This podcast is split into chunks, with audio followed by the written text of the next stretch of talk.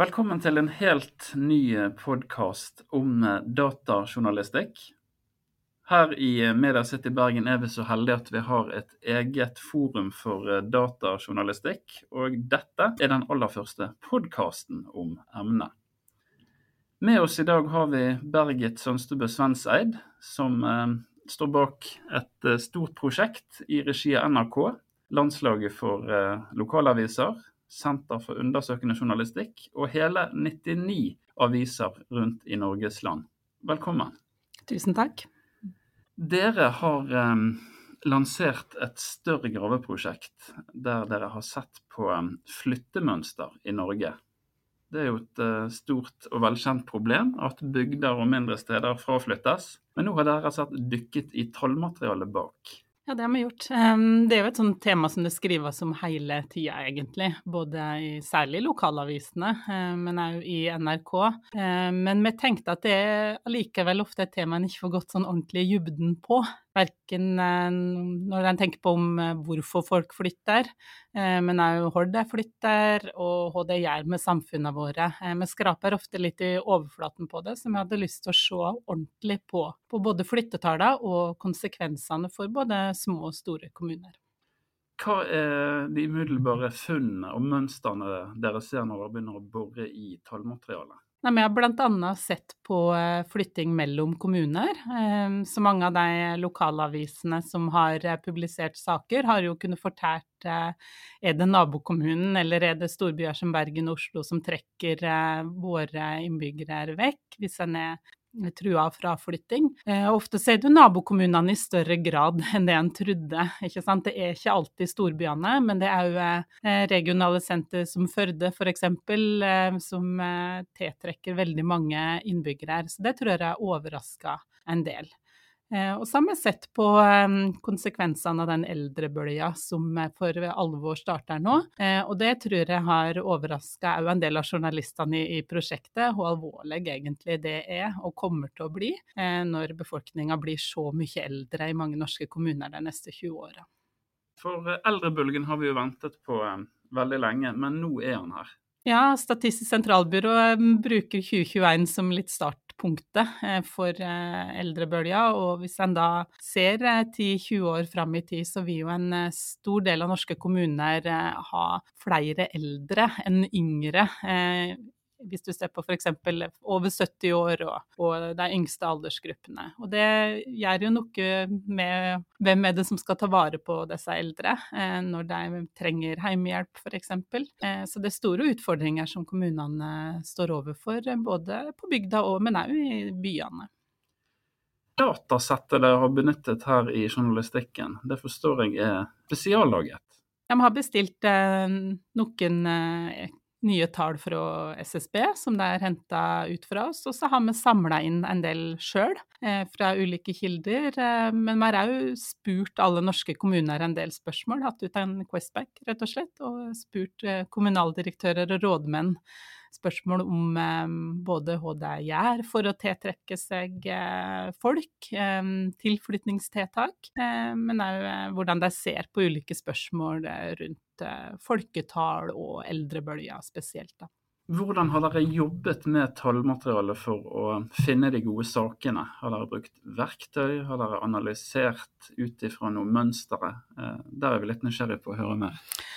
Ja, En av de store utfordringene våre var jo at det var så mange lokalaviser som ville være med. Eh, Landslag for lokalaviser gjorde en nesten for god jobb med å få med medlemmene. Så når vi skjønte at det ble 99 aviser som var interessert, eh, så måtte vi jo finne en måte å dele all researchen på først. Så vi bygde en eh, digital portal rett og slett. Eh, de har jo visualisert en del av flyttetallene, fordi én eh, ting er å få et Excel-ark med inn- og utflyttinger av kommunen din, men det er noe med å se det. Så vi brukte en del tid på rett og slett å visualisere noe av det vi hadde. Um, og så har vi jobba sammen for å utvikle journalistikk basert på de datasettene vi hadde. Og det har uh, skjedd over tre uker i mars og gjennom april. Og der har Senter for undersøkende journalistikk hatt eh, daglege, faktisk, eh, det man kalte verkstadrom, digitale Teams-møter. Små redaksjonsmøter der lokalaviser fra hele landet har møttes og knadd stoffet, blitt kjent med datasetta og diskutert hva slags saker ligger det her, eh, og helt ned til hva burde jeg si når jeg ringer der, eller hvem kan jeg be om innsyn, eller hvordan gjorde du det? Så vi har um, utvikla journalistikk sammen. Det høres ut som um, det å løfte kompetansen på uh, datajournalistikk også har vært uh, en av tingene dere har gjort. Kan du si litt konkret om hvordan dere angrep det med så mange aktører inn? Du nevnte litt om verkstedene. Ja, vi har jo gjort det gjennom disse verkstadrommene, men vi har òg hatt eh, rett og slett altså kursing. Eh, kompetanselunsjer har vi kalt det. Halvtimes eh, flere kurs i f.eks. datarapper, som en del av lokalavisene har brukt til å illustrere flyttetallene. Og vi har brukt SSB og andre aktører som har kommet inn og rett og slett vist hvordan en kan finne fram i tallene. Og vi har vist vei sjøl, vi som har jobba mye med, med dataene, da. Men ikke minst har vi hjulpet hverandre. Ei lokalavis har eh, funnet en smart måte å sammensette tallene på, og har eh, delt det med de andre i lukka grupper. Så det har vært mye bra jobbing eh, på tvers på den måten. Noen har sagt at nå fant vi noen andre tall her som er spennende å sette sammen med det vi har, og har lagd denne saka. Vær så god, gjør det samme. Og det er jo en helt ny måte å jobbe på, egentlig. fordi noen av disse avisene er jo et del av et stort konsern og kan jobbe innad i sitt sitt, men mange av dem er helt uavhengige, har ikke et sånn fellesskap i det daglige. Og det da å kunne sitte på ulike steder av landet og si nå har vi laga en god sak, eh, vær så god, bruk vår metode, det har jo gjort at mange har kunnet lagd veldig god journalistikk fordi en har delt på den måten. Hvordan har dere konkret delt disse eh, funnene? Har det hatt en egen plattform for samhandling? Har det vært Teams eller Zoom, eller hva, mm. hva er hemmeligheten her? Vi har brukt Teams til møter, og så har vi rett og slett brukt Facebook. Eh, og det har jo med at eh, dette er jo eh, veldig forskjellige aviser. Noen er veldig digitalisert eh, og jobber innenfor et konsern f.eks. Andre er én person i redaksjonen. Eh, så vi brukte rett og slett ei lukka Facebook-gruppe til deling. Og så har vi brukt eh, LLA sin hjemmeside, lla.no til å dele saker. De har en veldig bra idébank, som de kaller det. Så de har eh, lagt ut da saker eh, med lov gratis fra de andre lokalavisene som kunne vise fram, eh, og òg skrive artikler om metodene som er brukt. Så det har vært en veldig sånn åpen deling som er jo egentlig alle andre har kunnet gått og, og sett på, på LLA.no.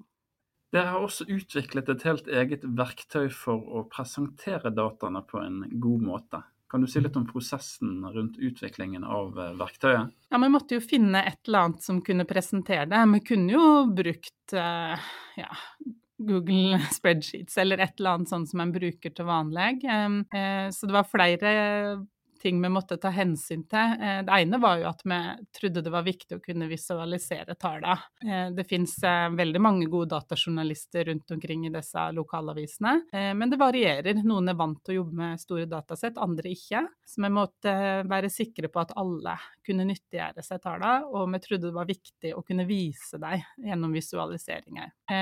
Og så leita vi etter et verktøy som vi hadde tilgang til internt i NRK i utgangspunktet. Det var innom flere muligheter, men vi landa på Power BI som et Microsoft-verktøy som jeg hadde i vår portefølje, for å si det sånn, eh, og, begynte å teste om det kunne fungere til dette formålet.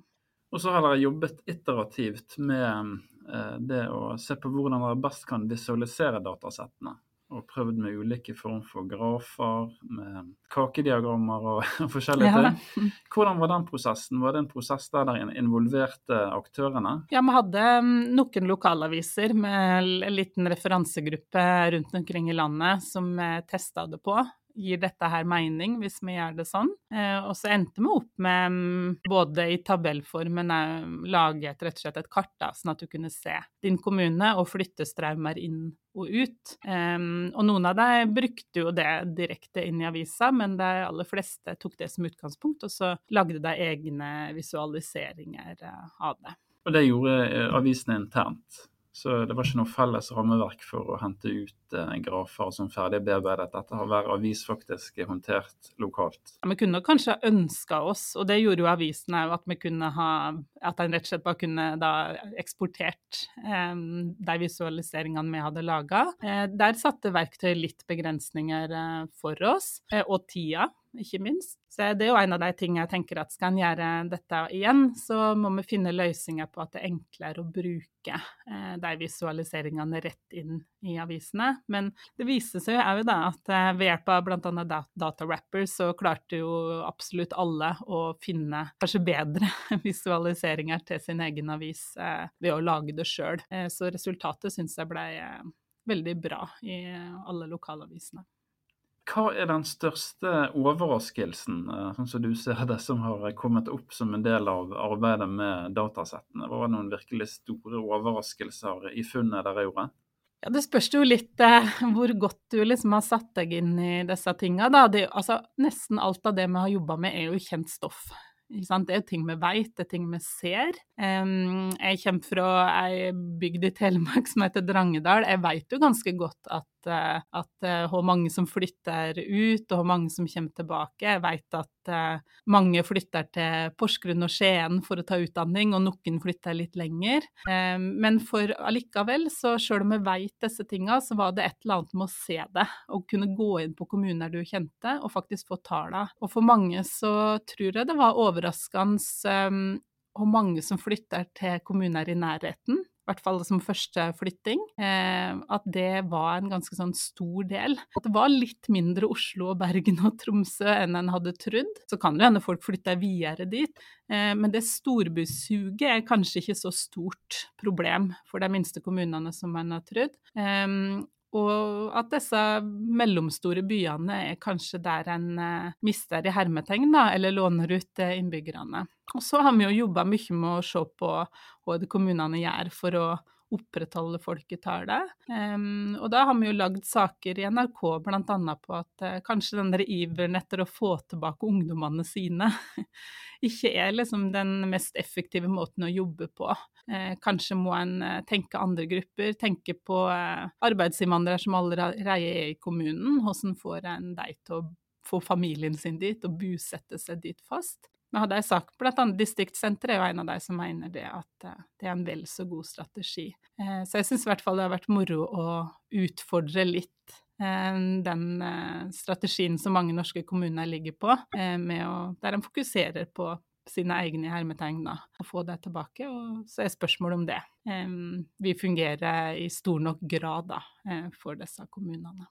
Nå har jo dere jobbet med et stort datasett. og Hvis du eh, skal spå litt frem i tid, hvordan vil situasjonen se ut i årene fremover? Altså, vi har ikke gjort egne funn på det, men både SSB og Telemarksforskning lager jo den type prognoser, eller framskrivinger, eh, som de kaller det. Og de varierer jo, ikke sant, ut fra hvilke metoder de bruker. Eh, norsk politikk og styring i mange kommuner er jo basert på SSB sine tall, eh, mens Telemarksforskning lander ofte på litt mer pessimistiske estimat eh, med de variablene de tar inn. Eh, så det er jo vanskelig å vite, men eh, det er store trekka de siste 20 åra, er jo at en i liten grad har klart å snu den flyttestrømmen fra de minst sentrale kommunene. Så ser en jo nå, under pandemien, at det har endra seg noe. Jeg tør ikke spå om det er starten på, på ei endring og utflytting. Det jo, handla handler jo om at de flytter til omegnskommuner òg, rundt de store byene. Men jeg tror det er altfor tidlig å si om det vil snu noe eller om det er en litt sånn midlertidig endring i flyttemønster, at vi akkurat nå syns det er tryggere å eh, ikke bo i de store byene. Eh, men det er ganske spennende at det for første gang på noen år eh, er endring i hvor vi flytter hen. Nå er prosjektet sjøsatt, eller det er i luften, men det er på ingen måte ferdigstilt. Dette lever videre. Hva er planene fremover? Nei, til nå så har jo um, det rundt um, ja, Eh, drøye 60 aviser som har publisert saker, og det kommer nye til innimellom fortsatt. Planen var jo at vi skulle ha litt sånn fellespublisering nå i vår, men så ligger det jo mye her som kan være nyttig særlig inn mot valgkampen. Eh, så både med NRK og lokalavisene kommer til å fortsette å lage saker eh, på dette stoffet. Eh, så så langt så har lokalavisene lagd over 550 saker. Eh, og jeg tror det kommer til å komme mer utover, og kanskje òg over sommeren eh, rundt valget. Så får vi se hvor mange det ender på, på til slutt. Du sier til slutt, men er dette i teorien et prosjekt som kan eh, leve videre og oppdateres med nye tallsett, eller det, har det en horisont at det vil være ferdigstilt et tidspunkt. At da er det på en måte offisielt over. Ja, vi har, vi har sagt at det er offisielt over etter eh, valget. Eh, men eh, researchen er brukende videre mye av den. Nå har det jo allerede kommet nye tall ikke sant, på flytte, flyttetall og sånn, men vi har òg gjort mye grunnresearch som jeg tror vil være nyttig videre. Men akkurat den store folkevandringa, den setter vi et punktum for etter valget. Har dere spennende nye prosjekter på gang med data, eller eh, er det for tidlig å si noe om det? Um, det, det, er litt for tidlig å si noe om. Vi har, uh, har, noen ideer på blokka. Uh, og vi har òg noen samarbeidsprosjekter som straks skal sjøsettes. Og så får vi se hva vi finner på framover. Senter for undersøkende journalistikk har jo hatt mindre samarbeid både mellom Eh, NRK lokalaviser og med lokalaviser eh, før. Eh, så de fortsetter jo med det arbeidet. Og så får vi se om vi, slår sånn på stortromma flere ganger, sånn som vi har gjort med den store folkevandringa. Hvis vi ser på selve metoden her, hva har du synes var mest lærerikt i denne prosessen? her? Hva har du lært, hvis vi ser litt vekk fra selve funnet i datamaterialet? Jeg tenker mer på prosessen med å utvikle. Det var jo mye vi var spent på. ikke sant? Går det an å samarbeide om journalistikk? En er jo på en måte konkurrenter. Eh, vi har jo hatt òg lokalaviser som eh, dekker samme område med i prosjektet. Eh, så de liksom positive overraskelsene er jo hvor greit det har gått. At det er egentlig veldig lite problem å samarbeide om journalistikk. At det bare styrker oss. Vi var forberedt på at det skulle bli mye mer knirking av, ikke sant. Småkonflikter og 'hvorfor lagde du den saken', den hadde jo jeg tenkt å lage og sånn. Det har ikke vært noen ting av det, og det syns jeg er ganske utrolig. Eh, og jeg, tror jo at dette her er litt framtida innen journalistikken. Eh, at vi skal tørre å samarbeide eh, mye mer. Og særlig om sånne store samfunnsspørsmål som dette her er. Da, da styrker det bare journalistikken vår. NRK kan jo ofte Vi kan godt ha ressurser til å gjøre bred research. Men vi kan jo bare ta ut ei, to, tre, fire, fem saker. Av og til så gjør vi litt mer. Men da blir det jo bare liksom de tinga vi ser er de beste sakene. Men her har vi publisert eh, over 550 saker sammen. Og det er jo klart at det gir eh, helt annen liksom, forståelse enn eh, hvis bare vi hadde holdt på hver for oss. Ehm, så at det går an, og at det går så bra å samarbeide om journalistikk, det syns jeg er veldig løfterikt, faktisk. Og så har dere løst det tekniske i stor grad lokalt her, forstår jeg. Og det var òg en diskusjon om man skulle få hjelp fra Oslo. Eh, hvordan har eh, den prosessen vært? Eh, det har vært et ganske lite team forstår jeg, som har jobbet med den tekniske utviklingen av denne PåBI-løsningen. Ja, det, det, har egentlig vært én mann her i Bergen, med støtte fra kollegaer i Oslo. Men um, NRK er jo stort, men, men, det er jo ikke alltid at en har enorme tekniske ressurser tilgjengelig allikevel. Folk er bundet opp i prosjekt og sånn, og vi hadde jo lyst til å løse det her eh, lokalt. Eh, og så har vi heldigvis en mann, Anders Nøkling, her som er god på slike ting. Eh, så jeg syns jo det var veldig ålreit at vi klarte det. Ehm, og så kan det jo hende at hvis vi skal gjøre det på nytt, at vi finner andre verktøy som er enda bedre. Men ehm, for akkurat det formålet vi hadde nå, så klarte vi å løse det greit, syns jeg, med Power BI og jobbing her. Og det, her på huset så sitter det jo veldig mange en kan lene seg på, så hvis vi har litt bedre tid neste gang, så kanskje vi kan eh, bruke nettverket og finne enda bedre løsninger. Og vi eh, i Datajournalistikknettverket var så heldige at vi fikk et veldig dypt dykk ned i akkurat denne løsningen i går.